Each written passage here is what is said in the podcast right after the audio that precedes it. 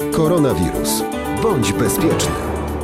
Od dziś na antenie Polskiego Radia Olsztyn będziemy Państwu mówić o tym, w jaki sposób postępować, by uchronić się przed koronawirusem. Będziemy o tym mówić w różny sposób, poruszymy wiele ważnych aspektów.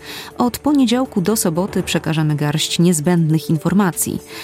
Dziś o bardzo ważnych i podstawowych kwestiach przypomni nam Janusz Dzisko, wojewódzki inspektor sanitarny. Zacznijmy od mycia i dezynfekcji rąk. To zdecydowanie jednak e, ręce, które są głównym wektorem przenoszenia e, tego wirusa. Oczywiście nie mówię o drodze kropelkowej, czyli obecności w, z pacjentem, który jest zakażony, ale to dłonie są tym najczęściej elementem, który pozwala na skuteczną infekcję.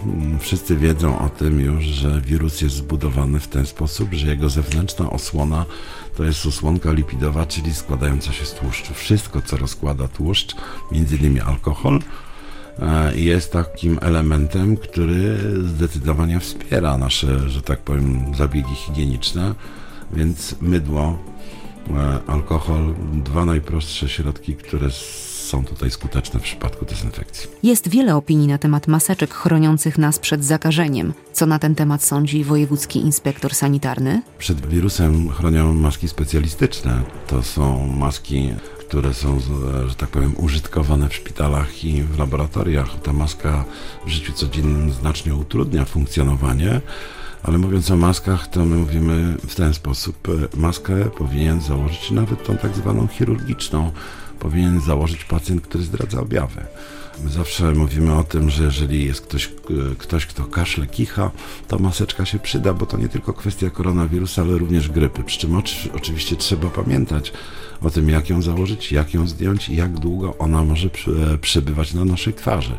Ta włókninowa maseczka to jest kwestia rząd wielkości 2-3 godzin, a potem jej, e, jej bariera ochronna zostaje przełamana i używanie takiej maseczki dłuższy czas nie ma najmniejszego sensu ale generalnie nie zachęcam na razie do maseczek, e, natomiast zachęcam w przypadku, kiedy ktoś ma objawy kaszle, kicha, aby nie tworzyć aerozolu i nie rozpylać, nie zakażać innych. W tej niezwykle trudnej sytuacji, w jakiej znajdują się obecnie ludzie, niezbędna jest profilaktyka i dbałość nie tylko o siebie, ale o innych. Z rozwoju tej epidemii e, koronawirusa wynika, że najbardziej narażone są osoby starsze, osoby obciążone więc e, ja myślę, że w trosce o to, aby zadbać o bezpieczeństwo, szczególnie tych osób, bo młodzi ludzie sobie z koronawirusem nieźle radzą.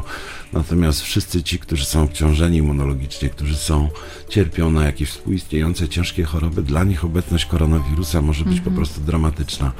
Więc w, w trosce o, o naszych starszych i o naszych najmłodszych staramy się jednak nie wytwarzać tego aerozolu, a więc w momencie rzeczywiście, kiedy kichamy bądź też kaszlemy, zasłaniajmy nie dłonią, najczęściej łokciem twarz, aby ten aerozol nie tworzyć.